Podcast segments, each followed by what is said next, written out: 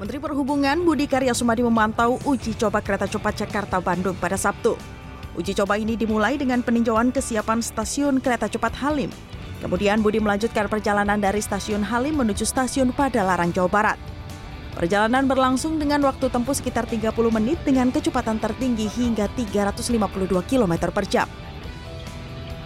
Bisa berdiri 300 sama, Bu. bergoyang, Iya, iya Pak. berdiri tanpa bergoyang.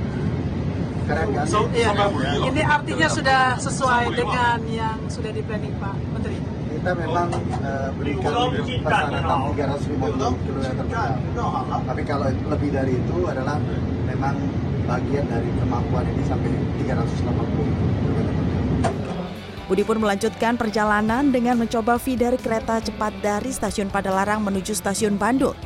Perjalanan dari stasiun Padalarang ke stasiun Bandung menempuh waktu 20 menit. Total perjalanan dari Jakarta menuju pusat kota Bandung memerlukan waktu sekitar 50 menit. Sementara itu tersedia empat stasiun pemberhentian yaitu Stasiun Halim, Stasiun Karawang, Stasiun Padalarang, dan Stasiun Tegaluar.